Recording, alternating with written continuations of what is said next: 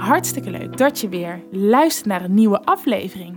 Een aflevering waarin ik een heel waardevol interview met je ga delen. Een aflevering waar ik ook uh, ja, erg blij mee ben dat, we dit, uh, dat ik dit kan delen met jullie. We gaan het namelijk hebben over sensomotorische ontwikkeling. Um, we gaan in gesprek met Hanneke Poot. En in haar werk kwam ze veel kinderen tegen die eigenlijk niks mankeerden maar die hun ontwikkeling gewoon niet goed hadden gedaan en dus geen goede basis hadden gelegd om verder te leren. Dus we gaan het hebben over de ontwikkeling van kinderen. We gaan het hebben over bewegend leren. En zoals Hanneke ook in het interview zegt: Laat kinderen buiten spelen.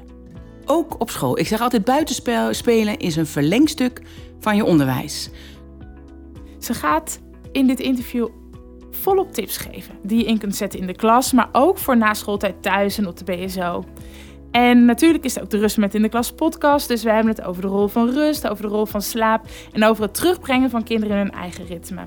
Een podcast dus waar je heel veel inspiratie uit gaat halen, die je aan het denken zet en waarin de relatie met rust wordt gelegd. Ik wens je heel veel luisterplezier met deze aflevering. Van harte welkom bij de podcast van rustmetindeklas.nl, waarin jij inspiratie, kennis, concrete tips en oefeningen krijgt voor het nemen van voldoende rustmomenten met kinderen. Mijn naam is Wendy de Groot. Ik ben leerkracht geweest, inmiddels ook moeder en oprichter van rustmetindeklas.nl. Ik neem je graag mee in mijn ervaring rondom rust en ontspanning voor kinderen en misschien ook wel voor jezelf. Heel veel luisterplezier en ontspanning gewenst.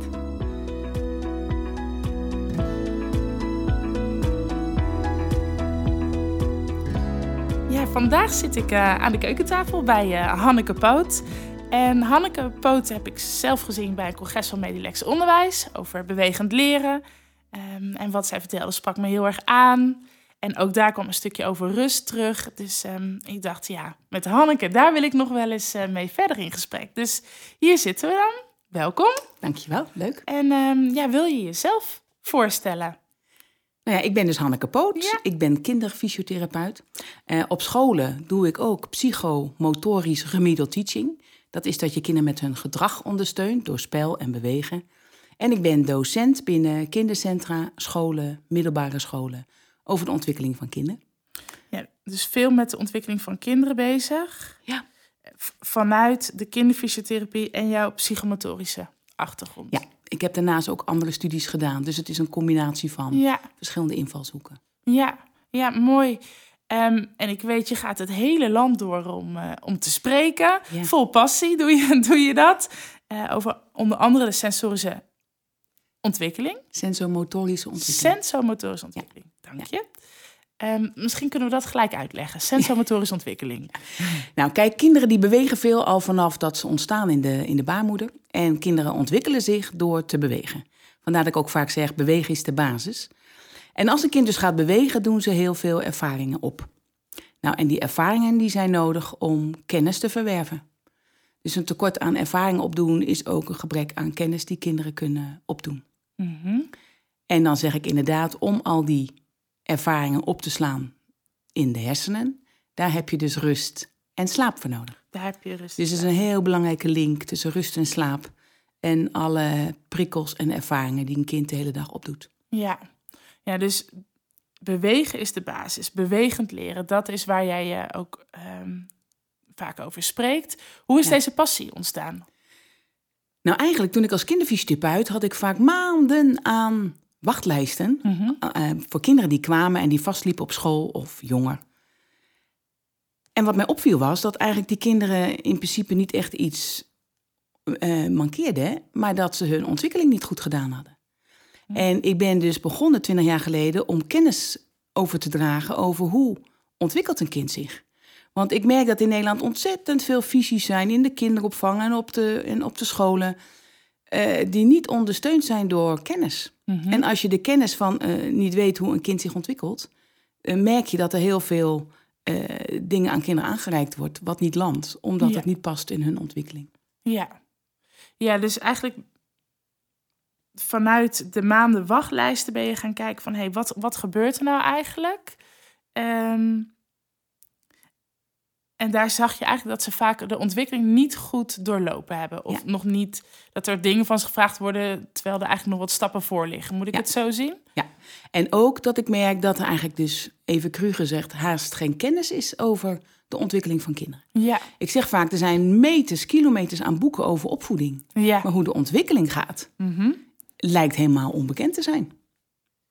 En dat zie ik eh, ook op de opleidingen, ook op de pabo's, op, op, eh, Ja. ook op de opleiding voor de kinderopvang. Eh, dat er heel weinig eh, kennis is. En de basis van de hele ontwikkeling is die sensomotorische ontwikkeling. Ja, dus, dus de ontwikkeling is vooral het, het ontwikkelen in bewegen. Als in een- vanaf baby die gaat kruipen naar lopen, naar welke stap je Ja, loopt. maar daarnaast ook de ervaringen die, daar, die ze daarbij opdoet. Bijvoorbeeld, ik zeg vaak ook, hè, ook in deze tijd van de lockdowns, eh, dan krijg ik eh, vragen van leerkrachten, leidsters, ouders. Wat moet ik met die kinderen gaan doen? Mhm. En zeg ik, ja, liever ga niet rekenen en taal, maar ga met ze buiten spelen en ga met ze, laat ze in het huishouden meewerken. Ja, En ook hè, als je hebt over eh, bijvoorbeeld de was ophangen. Dat hoeft tegenwoordig niet omdat we drogers hebben. Maar de was ophangen is ontzettend belangrijk voor inzicht te krijgen. Voor, voor rekenvaardigheden, voor gewicht en, en, en voor taal. voor heel veel activiteiten en kennis die ze moeten opdoen. Maar ja, kinderen hebben dat onvoldoende, krijgen ze dat aangereikt. Waarvan ik dus ook merk in het onderwijs, kinderen die naar school gaan met vier jaar. Veel leerkrachten zeggen dat zijn geen kleuters, dat zijn nog peuters. ja. En dat heeft dus te maken met die sensomotorische ontwikkeling. ja, doordat ze eigenlijk te weinig ervaringen nog hebben opgedaan. Van dingen doen met, hun, met het lijf. met het lijf, ervaren- want een kind ervaren. leert met zijn lijf. Ja. En kinderen hebben gewoon te weinig know-how met dat lijf. En hebben, als het ook, eh, is ook een hot item in het onderwijs, de executieve functies. Mhm. Ja, hoe leer je dat? Door af te wassen en de was op te hangen Ja. en je aan te kleden. Ja. En gewoon de basis, hoe bouw je dat op? En, eh, en je merkt ook dat heel veel kinderen juist op dat terrein zo weinig eh, ervaring opgedaan hebben. En dat eigenlijk is dat al de eerste vier jaar van hun leven waar ze het al opgedaan hadden moeten kunnen. Mhm. Vandaar dat ik ook tegen directeuren van basisscholen zeg: maak eens een A4'tje met de voorwaarden die kinderen nodig hebben om op de basisschool zich te kunnen ontwikkelen. Nou, met stip bovenaan staat rust en slaap, waar echt een enorm tekort aan is bij kinderen. Ja, Ik zeg ook vaak: kinderen slaap onthouden is eigenlijk kinderen misbehandelen. ja, Eh, want slaap is eigenlijk belangrijker nog dan bewegen en eten samen. Maar ook, eh, er staat ook buitenspelen bij, in het huishouden eh, meewerken. Eh, oude kleren, waardoor ze kinderen vies mogen worden. Ja. Het zijn allemaal belemmeringen waar kon daar, waardoor kinderen vastlopen op school. En als je intelligent bent, dan red je de basisschool, maar ga je onderuit op de middelbare school. ja, dus eigenlijk zeg je als deze kinderen meer zouden buitenspelen, helpen in het huishouden, et cetera, dan zou het leren dus beter gaan in de klas. Ja. Ja. Ik merk vaak, ja, weet je, ik vraag ook wel eens tegen leerkrachten, ken je dat? Dat je kinderen in de klas wat vertelt en je ziet die kinderen naar je kijken en je denkt, oh, het landt helemaal niet wat Ja. ik hier vertel. Ja. En dat wordt unaniem nu beaamd. Ja. En dan zeg ik, ja, maar dat zijn dus kinderen die dus heel veel voorkennis missen. Dus eigenlijk de plek in de hersenen niet ontwikkeld hebben waar al die informatie kan landen. Ja. En dat vind ik heel pijnlijk. Kijk, vroeger, ik heb het over 20, 30 jaar terug, was het 10% van de kinderen die het niet konden pakken. Tegenwoordig, ik kom op scholen waar 80 tot 100% kinderen last hebben. Ja. En dan heb ik nog niet eens over de middelbare school. Nee. Nee, je ziet het nu inderdaad in groep drie, de trend van... Ik weet ja, dat je dat op, een, op het congres ook noemde, maar ik hoor het ook echt van groep drie leerkrachten. Hoe moeilijk kleuters het nu... Of de, kinderen, de kleuters die nu in groep drie zitten, hoe moeilijk die Ja. het nu hebben. Ja. Maar ja, die kinderen hebben twee jaar eh, bewegingsonderwijs eh, gemist. Buitenspelen, eh, kinderfeestjes. De kinderen in groep 3 hebben nog nooit een schoolreisje meegemaakt. Nee. En dat is trouwens ook groep 4 vind ik heel kwetsbaar. Want in groep 4 gaat het tempo omhoog in het onderwijs. Maar die kinderen hebben dan groep 3 gehad online. Ja. Nou, leren lezen doe je niet online. Dat Nee. moet je aan de lijve doen. Dus eh, het is zorgwekkend. Ik eigenlijk graag zou willen dat ieder kind een jaar extra krijgt. Ja. Zodat ze zich, en dan heb ik het niet over eh, een jaar extra omdat ze inte- niet intelligent zijn, maar omdat ze de ontwikkeling missen. Ja, dus dat ze echt een soort van basis met bewegen, met ervaring opdoen, leg je een soort van basis. Ja. Een fundament om, om verder te kunnen leren. En je ziet dat er te weinig beweging is, te weinig ervaringen, waardoor dat fundament mist. Maar we proberen wel verder te gaan met leren. Ja, precies. Dus ik merk dat de druk in het onderwijs steeds hoger wordt. Er wordt steeds meer van kinderen verwacht. Terwijl kinderen met steeds minder know-how op school komen. Ja. Dus dat schuurt enorm. En dat hoor ik ook leerkrachten zeggen. En ik merk ook, uh, ik krijg veel mailtjes ook van leerkrachten uit groep 3 de afgelopen maanden. Zo van, joh, de kinderen zijn niet meer gemotiveerd. Ja. Die gaan met heel veel verwachting naar groep 3. Oh, dan ga ik leren, hè, dan gaan we het doen. Maar ze, zijn, het worden overvraagd. Ja. En daar zit ook, afgezien dat er te weinig know-how bij de kinderen ontwikkeld is, zitten ook in het onderwijs veel eisen die niet ondersteund zijn door kennis over de ontwikkeling. Ja, ja dus wat zou jij willen zien dat er gebeurt in het onderwijs? Allereerst zou ik zo graag willen dat, dat uh, in het onderwijs veel meer uh, kennis is over de ontwikkeling.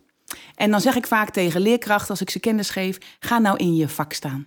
Er wordt in het onderwijs van alles gedropt. En ook door mensen die er niet altijd verstand van hebben. Mm -hmm. Als ik zie op scholen hoeveel ze dingen moeten doen omdat het bestuur dat zegt. Terwijl mm -hmm. het bestuur, daar zitten mensen in die niet direct uit onderwijs komen. Ja. En dat zijn ouders die eisen stellen. En het zijn, uh, nou ja, goed, de schoolbegeleidingsdienst en dergelijke. En de inspectie, natuurlijk, die hebben dan natuurlijk, hoop ik wel, kennis. Maar de druk is zo hoog en er wordt van alles van gezegd. Waarvan ik tegen leerkrachten zeg, zorg dat je kennis hebt. Ja. En dan kun je zeggen, juist, dus ik hoor dat ik dit van me gevraagd wordt. Maar ik ga dat niet doen, want de kinderen, die zijn daar nog niet aan toe. Nee. En dan wordt het vak weer het mooie vak, want leerkracht is een fantastisch vak. Ja, zeker. Maar je moet wel inspelen op waar het kind zit en waar zijn ontwikkeling zit. En niet van alles aanbieden. Ik merk ook dat veel scholen bijvoorbeeld bij de kleuters al Engels aanbieden. Ik denk, nou, dat is gebrek aan kennis over ontwikkeling. Ja. Daarbij komt ook, als ik zie hoeveel kinderen, en ook dat op de middelbare school, maar ook hoeveel studenten slecht Nederlands eh, kunnen. Dan denk ik, ja, jullie hebben de, de taalcellen in de hersenen eh, opgesoupeerd aan vakken die niet eh, relevant zijn. Hm. Laat kinderen eerst eens ontwikkelen en hun taal goed beheersen. En in Nederland zijn ook veel kinderen die uh, Nederlands als tweede taal hebben. Mhm. Mm -hmm. kinderen die Marokkaans of Turks of welke taal dan ook thuis spreekt, is al wat kwetsbaarder in het Nederlands. Mm -hmm. Nou, ik kom op scholen en dan hebben kinderen ook nog Arabisch. En dan hebben ze Engels bij de, bij de kleuters. En dan hebben ze, uh, nou ja, ga zo maar door. En denk ik, dat is niet onderbouwd door kennis. Nee, jij zegt gewoon eigenlijk iedere keer gaan we weer terug. Die, dat, dat fundament wordt gewoon niet goed gelegd. En ergens ga je daar problemen mee krijgen. Ja, je gaat scheef opgroeien. En dat fundament leggen we dus door te bewegen, door te ervaren. Dus met het lichaam de dingen ja. aan uh, uh, op te pakken. Kinderen leren met het lijf. Kinderen leren met het lijf. Ja. Dus, en dan... dus ook in het driedimensionale. Dus dat een kind, een jong kind ook, leert niet uit een boek. Je leest voor voor de taalontwikkeling. Mm -hmm. En dat ze lekker bij je zitten en voor de, uh, voor de relatie samen. Maar een kind leert niet uit een boek. Een jong Nee. kind leert ook niet van de computer. Nee. En als ik zie hoeveel kinderen op een computer bezig zijn... en dan zijn we helemaal trots omdat ze sommen kunnen... Ja, maar het is puur dat kinderen snel leren... wat is, het, wat is de som en wat is het antwoord. ja. Maar het hele leerproces Het ervaren kunnen ze niet pakken. Ja, precies. En waar het over gaat. Kijk, ook letters en cijfers wordt heel jong al aangeboden. Ja. Maar dat is lege kennis, daar kunnen kinderen niks mee. Nee. Het besef dat een 2, ze kunnen het misschien wel benoemen... want het is een symbool die ze kunnen, best een naam kunnen geven... maar waar dat symbool voor staat, Ja. hebben kinderen geen benul van. Nee. En ik merk dat heel veel kinderen daardoor ook onderuit gaan... want dan denken we, oh, ze, kunnen, ze kennen alle getallen. Ja. Ja, maar als je niet weet waar het getal voor staat... Dan Ga je toch onderuit? Af, maar daarna merk En, je on- wel- en ze gaan onderuit. En dat Ja. zie ik ook. eh, heel veel kinderen krijgen ook zo'n etiketje dyscalculie. Mhm. Dan denk ik, ja, we zijn toch veel te vroeg begonnen met de symbolen aan te bieden. In plaats dat we een kind een zak appels geven en die laten uitdelen. Of eh, eh, de blokken gaan tellen en daar een grote toren van maken. Dat is rekenen voor jonge kinderen. Ja, voor jonge kinderen. Maar ik moet eerlijk zeggen dat ik dus met oudere kinderen daar ook mee bezig ben. Ja. Ik ga dus weer terug. Ik had een jongetje van groep 5 en die deed bij CITO de sommenfout eh, van al die blokjes die op elkaar gebouwd zijn. En dan moet je ruimtelijk weten hoeveel blokjes dat zijn. En die moeder kwam bij mij met dat jongetje en ze zegt zo raar, want hij heeft vanaf peuterleeftijd al met Lego gespeeld. Mhm. Nou ja, daar zit het probleem. Ik ben met die jongen naar de eh, Albert Heijn gegaan, heb ik grote, eh, grote dozen gehaald. Ja. En die dozen gaan stapelen, want een peuter leert met zijn hele lijf. ja. En bij de kleuters leert een kind vanuit zijn schouders, dus met grote blokken. En als ik dan zie dat ze zitten te frunniken met eh, Lego, dan denk ik, ja nee, daar waar de ontwikkeling zit, daar leert een kind. Dus als je uit zijn schouders beweegt, moet je met grote blokken aan de gang. En niet met eh, kleine eh, friemeldingen. Ja. hoe kan een leerkracht, want hè, we de- je doet de PABO, maar dit komt eigenlijk al bijna niet op de PABO voor, wat jij nu zegt. Hè? Dat die peuters moeten groot en die, en die kleuters werken vanuit hun schouders. Ehm, nee, jij, dit is jouw passie, dus jij gaat eh, rondom dit te vertellen. Eh, maar waar moet een leerkracht zijn als een leerkracht denkt, ja, die ont eigenlijk weet ik dat niet. Waar, waar, waar moet een leerkracht dan zijn? Bij jou? Bij mij. Sowieso. Ja, eigenlijk, ja, Ja. Heel cru gezegd, toch wel, want er is weinig kennis over.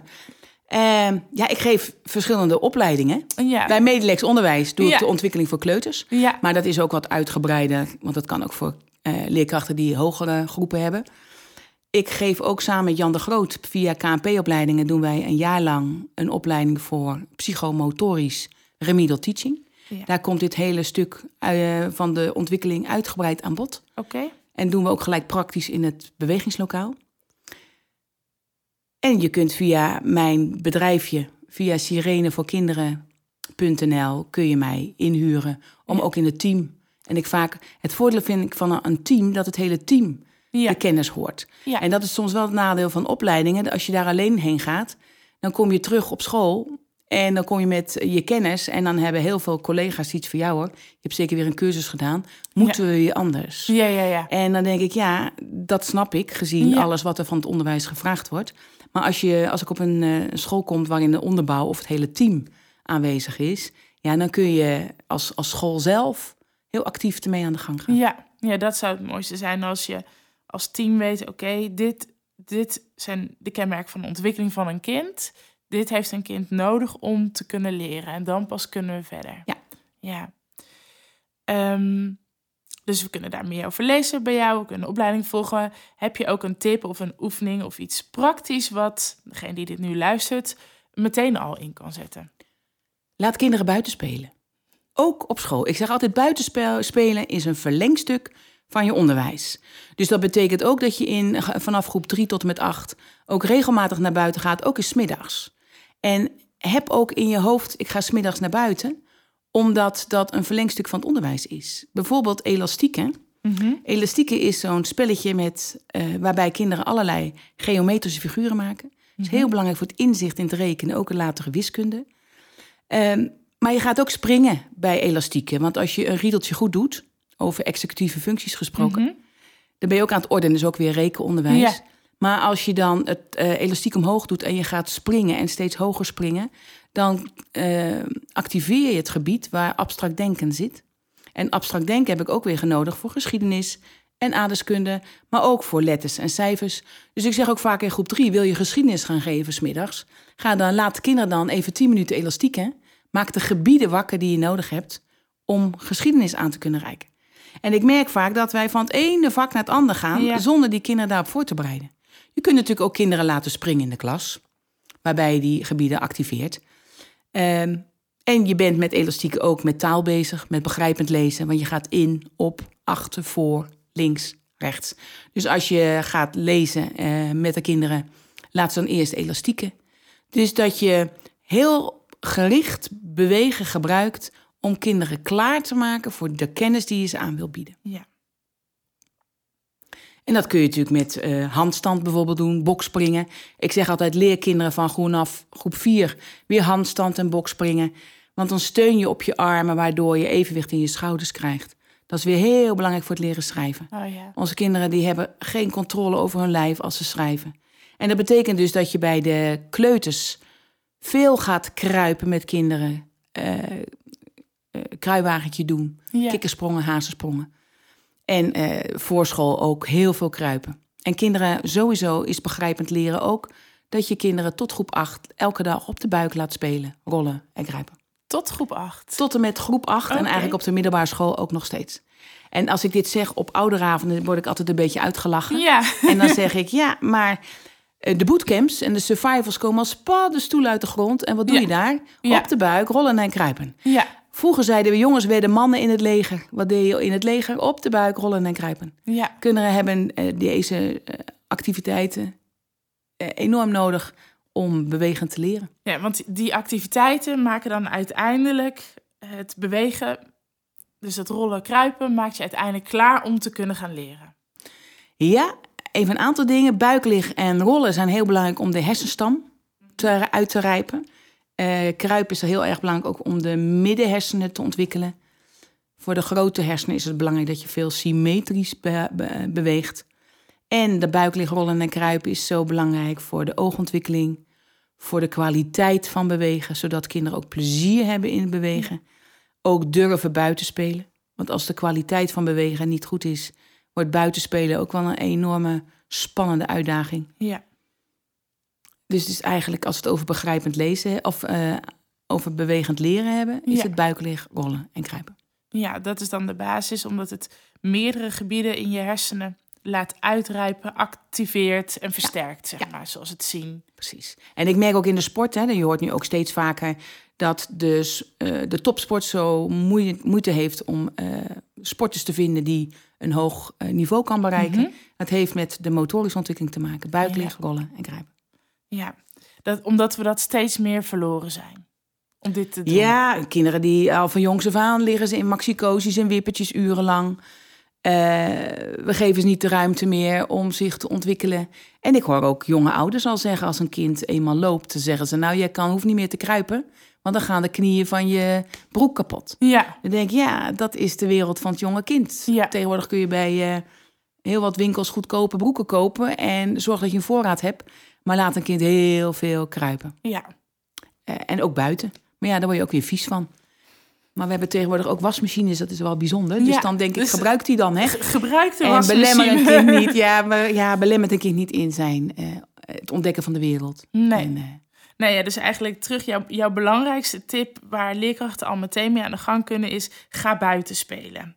En dat kun je ook kleiner maken naar even springen in de klas. Eh, maar ga gewoon veel naar buiten en zie het buitenspelen ook als verlengstuk van je onderwijs. Vind ik ook een mooie Ja. ehm, term. Ik weet dat ik, toen ik zelf nog voor de klas stond, ik had bovenbouw. Nou, dan moest je bijna verantwoorden waarom je naar buiten ging Ja, 's middags. apart, maar, dat, maar dat moeten we dus anders zien. ja, en zeker als je naar groep 6, 7, 8 kijkt, Ja. met al die hormonen die gieren door die lijven heen. Mhm. Wat doen die hormonen, zeker bij jongens? Die geeft ze heel veel energie. Ja. Dus bij meisjes met de hormonen, die kunnen vaak eh, wat terugtrekken en vermoeid zijn. Maar jongens hebben enorme drang tot bewegen. ja. En dan denk ik, ja, en dan gaan we juist hen vragen om op een stoeltje te zitten. Dus het is geen wonder dat jongens daarna ook gedrag vertonen waar we niet altijd blij mee zijn. Omdat we niet goed kijken wat kinderen nodig hebben. Ja, en dat buiten, dat kan vrij spelen zijn. Of je maakt er een bewegend leren, is voor mij ook, tenminste, ik associeer dat ook met ehm, dat je dan dus dat combineert met kennis die je wilt gaan overdragen. Ja, en ook gerichte activiteiten aanbiedt. Maar ik moet zeggen, heel veel kinderen kunnen niet meer buiten spelen. Nee. Dus dan zeg ik, ja, eh, Ja. vrij spelen is leuk. Maar als ik kijk op eh, speelpleinen buiten, dan is een derde van de kinderen speelt heel actief. Ja, Dan is een derde doet een beetje mee en een derde doet niks. nee, En dan zeg ik tegen leerkrachten, ja, ga dan heel gericht met zij hen buitenspelen aanleren. Dat kun je soms ook in de bewegingslokaal doen. En als het een beetje lukt, dan zeg ik, kom op jongens, we gaan naar buiten. En we gaan eh, bijvoorbeeld bokspringen. Nou, als één groep gaat bokspringen, ben je de door andere kinderen mee. ja, Of neem als leerkracht je eigen touwtje mee en ga met ze een touwtje draaien en laat ze eh touwtje springen. Maar dat betekent dus dat je als leerkracht eigenlijk geen pauze hebt. Nee. Buitenspelen is een verlengstuk. Dat, dat betekent dat je gericht kinderen activeert buiten om in de klas weer wat dingen aan te kunnen reiken. ja. Ja, het is duidelijk wat je uitlegt inderdaad. Dus, dus zie dat buitenspelen als een verlengstuk. Ehm, nou, je geeft ook al mooie tips hoe we dat meteen met het elastiekje, met, eh, met de touw, eh, met het bokspringen ook meteen actief kunnen invullen. Ehm, je begon, en dat is ook natuurlijk waarom ik ook ehm, met jou verder in gesprek wilde, met rust en slaap ligt eigenlijk weer als basis voor bewegen. Dat ligt daar weer onder. Ja. Toch? Ja, dat is heel bazaal. Ehm, hoe zit dat? Waarom is rust en slaap dan nog weer daar de basis van? Nou, even een aantal dingen. Ja. Allereerst zeg ik altijd, en dat gaat even voor na school, veel op de BSO. Mhm. Op de BSO zeg ik, het enige wat je daar mag doen is buiten spelen en chillen. Dus rust nemen, niks Ja. doen. Eh, kinderen ook een ruimte bieden waar zij gewoon mogen liggen of hangen, omdat zij dan alle informatie die ze op school hebben gekregen kunnen opslaan in hun hoofd. Ja. Mijn ervaring is dat ze op BSO's een heel programma geven, waardoor eigenlijk alle kennis van de hele dag eh, weggeduwd wordt, omdat er verder geen, omdat er weer wat nieuws komt. Maar het rijpen van de hersenen, dat ontstaat door rust en slaap. Maar ja, rust en slaap is in Nederland een, een uh, schaars artikel. Als ik op de kinderopvang kom, is maandag de uitslaapdag. Kinderen zijn kapot van het weekend. En dan zeg ik tegen ouders, als je kind een in- en bijslaapdag hebt, dan ontwikkelt hij zich verder niet. Dat is, een, eh, dat is bijkomen. Maar als ik op scholen kom, hoeveel kinderen eh, op de maandag hangen in de bank omdat ze kapot zijn van het weekend. Nou, vrijdag ook, want ze hebben de hele week gehad. Ja. Daarbij komt ook dat veel kinderen eerst morgens naar de eh voorschoolse gaan. Ja. Dan hebben ze school, dan hebben ze tussenschool, dan hebben ze school. Dan gaan ze naar de BSO. En als ze pech hebben, moeten ze naar de voetbal of de fluitles of wat dan ook. Dan denk ik, wat denk je dat ze van zo'n hele dag onthouden? Rust en slaap, het ook op de, in het weekend zo'n pyjamadag. Niks hoeven. Maar om te kunnen rusten en te slapen, is het belangrijk dat een kind in zijn eigen ritme zit. Ja. En in zijn eigen ritme zitten, dat wordt nogal eh tegengewerkt in onze tijd. Omdat veel kinderen te weinig slapen, veel op de computer en de tv zitten, wat in de, de hersenen blokkeert. Eh, er gaan nog steeds kinderen met te weinig eten naar school. Heel veel kinderen worden met de auto op school gebracht. En dat betekent dat een kind niet in zijn eigen ritme zit. En dat betekent dat je dan wel in de klas kan eisen of vragen dat zij zich concentreren of rustig kunnen zitten of zelfs ontspanning kunnen aanra- aangereikt krijgen. Maar dat kan niet. Die moet ze eerst in hun eigen ritme brengen. En dat doe je door te bewegen allereerst. Mhm. En dat doe je ook door stopmomenten in te bouwen. Dus je beweegt, laat kinderen bewegen. En daardoor, eh, en tijdens dat ze bewegen, klap je bijvoorbeeld in je handen en dan moeten ze stoppen. Eh, stoelendans is daar bijvoorbeeld ook op geënt. Ja. Rennen en stoppen. Helaas hebben we daar een wedstrijdje van gemaakt. Maar dit is een spelletje waarbij je een kind in zijn eigen ritme kan brengen. Eh, en eh, dat doe je dus door te bewegen en ook weer te stoppen. En als je je lichaam stopt, kun je tot, eh, krijg je controle over je lijf. En kun je tot zelfbeheersing komen. Dat betekent dus ook dat je eigenlijk met kleuters, die hebben ook nog een lange remweg. Als je die laat rennen en je klapt in je handen, duurt het een poos voordat ze Ja. stoppen. Dus zeg ik altijd, kun je van een kleuter impulscontrole of zelfbeheersing verwachten? Nee, want Nee. ze kunnen het niet. Groep drie ook nog niet, want dat zijn ook nog kleuters. Dus eh, ontspanningsoefeningen zijn bij die kinderen lastig als je ze niet eerst eh, in hun eigen ritme brengt. En dat geldt trouwens in de bovenbouw ook met al die pubers, waarvan die hormonen hè, door die lijvergieren eerst in hun eigen ritme brengen voordat ze tot rust kunnen komen. En ook rust in hun hoofd kunnen krijgen ja. om tot concentratie te komen. En hoe herkennen we een eigen ritme van een kind? Hoe weet je wat een eigen ritme is? Dat eigen ritme laat een kind zelf zien. Mhm. Eh, ik zeg vaak, eh, doe een stopspelletje. Bijvoorbeeld, laat ze maar tien keer op de stoel klimmen. En dan gaan ze even zitten. En daarna gaan ze zeven keer op de stoel klimmen. Dus de tijd van bewegen maak je korter. En dan laat je ze wat langer zitten. En dan vaak na vier, vijf keer stoppen, blijven kinderen gewoon zitten. En dan zie je ze echt zuchten. Zo van, nou, eh, ik ben er weer. kunnen Ja. we wat gaan doen hier? Ja. En dan zitten ze hun eigen ritme. En bij de een is dan na drie keer stoppen. En bij de ander moet je vijf keer stoppen. Dat hangt van de temperament van het kind af. Mhm. Maar help ze om eerst hun eigen ritme te komen. ja, dus dat doe je echt ook door te kijken naar het kind. Wat Ja. gebeurt er?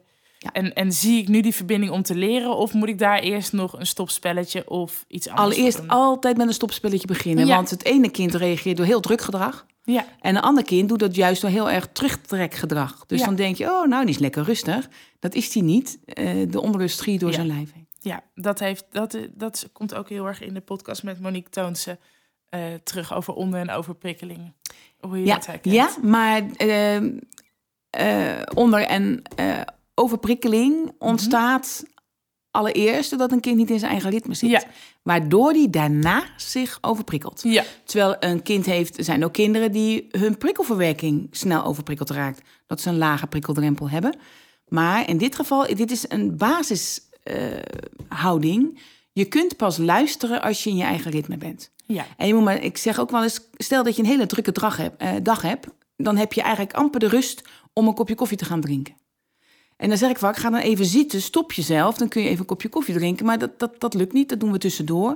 Nou, dat hebben kinderen dus ook. Ja. Als ze niet die bij zichzelf teruggebracht wordt. En dan des te sneller zijn ze overprikkeld. Ja. Dus als je het naar prikkelverwerking kijkt, onder de prikkelverwerking zit weer in je eigen ritme komen. Ja. En dus rust in je eigen lijf hebben.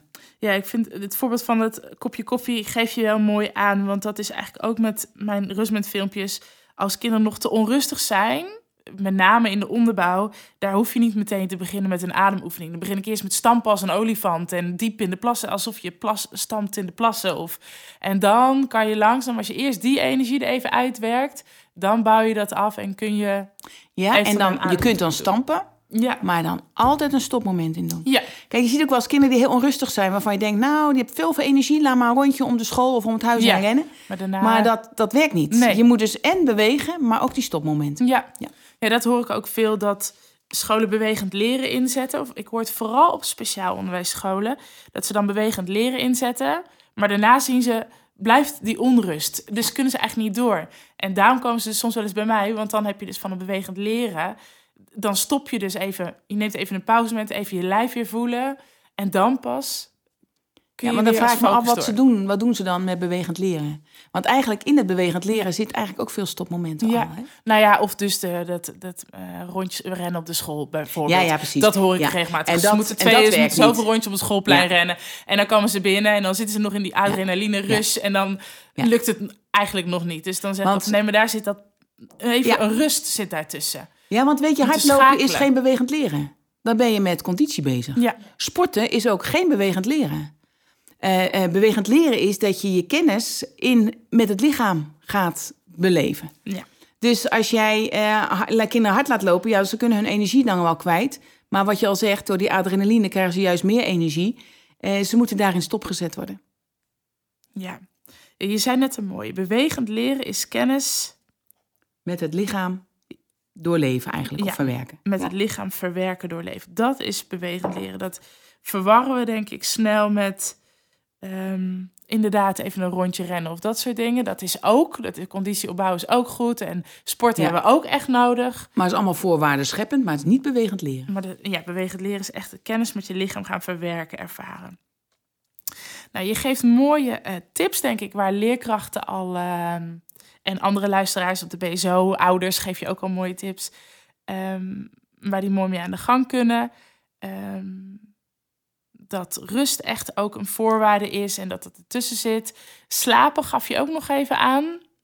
Dat, daar zie je ook een trend van dat er te weinig gebeurt. Er wordt te weinig kinderen gaan te laat naar bed. Ja, Als je bedenkt dat kinderen tot 9 jaar, dat is groep 5, 6, 12 tot 13 uur per nacht moeten slapen of rust en rusten. Slaap en rust, het is beide. Mhm. Ehm, ja, dat betekent als je om half acht je kind wakker maakt, dat ze eigenlijk om half zeven al naar bed moeten. Ja, dat is niet meer de trend in ons land. nee.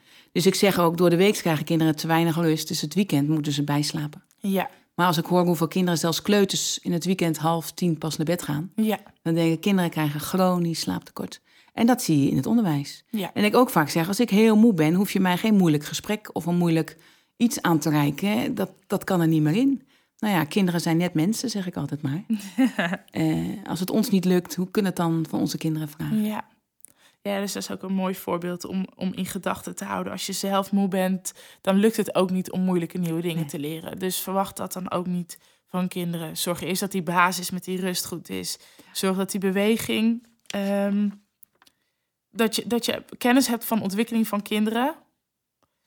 Zodat ze gewoon voldoende ervaringen op gaan doen ook. En Ja. bewegen. En dan hebben we een basis om, Dan heb je die basis. om te kunnen gaan leren. Ja. En twintig jaar geleden was, eh, waren de kinderen die naar school gingen veel verder en rijper dan in onze tijd. Dus eh, Ja. het is een enorm verschil met twintig jaar terug. Nou ja, niet op de tablet, maar wel. eh, Ja, dat is, er werd door kinderen altijd gespeeld. En Ja. veel buiten gespeeld. En moest in het huishouden meewerken. En ja, door alle afwasmachines en de drogers ja, en de glazenwassers en de autowasstraten... ja, krijgen kinderen tekort aan eh, ervaringen ja, en bewegingen daardoor. ja, met een lijf. Ja. Ehm, je zei net al eventjes waar we kunnen zijn als we meer over jou eh, willen weten. Ja. Ehm, op jouw website, ik zal het, Si- Sirene voor Kinderen. Ja. Ik zal het ook in de show notes, dus dan kan iedereen het ook nog teruglezen. zal ik het daar neerzetten. Ehm, je hebt ook een mooi boekje, Bewegend Leren. Bewegen is de basis. Uh, die krijg ik van Hanneke mee en daar maak ik een mooie winactie van. Dus die, had, uh, die zal ik ook benoemen dat die er nog uh, aankomt. Um, ben ik nog iets vergeten uit te vragen? Wil je nog heel graag iets vertellen? Vast wel. Maar... Nou, eigenlijk wil ik nog even zeggen: kijk naar kinderen. Ja. Neem de tijd om naar ze te kijken, want zij geven aan wat ze nodig hebben. Ja. En dat betekent dat als je goed kijkt, kinderen bewegen eindeloos. Kinderen liggen ook het liefst op de buik en kruipen door de kamer.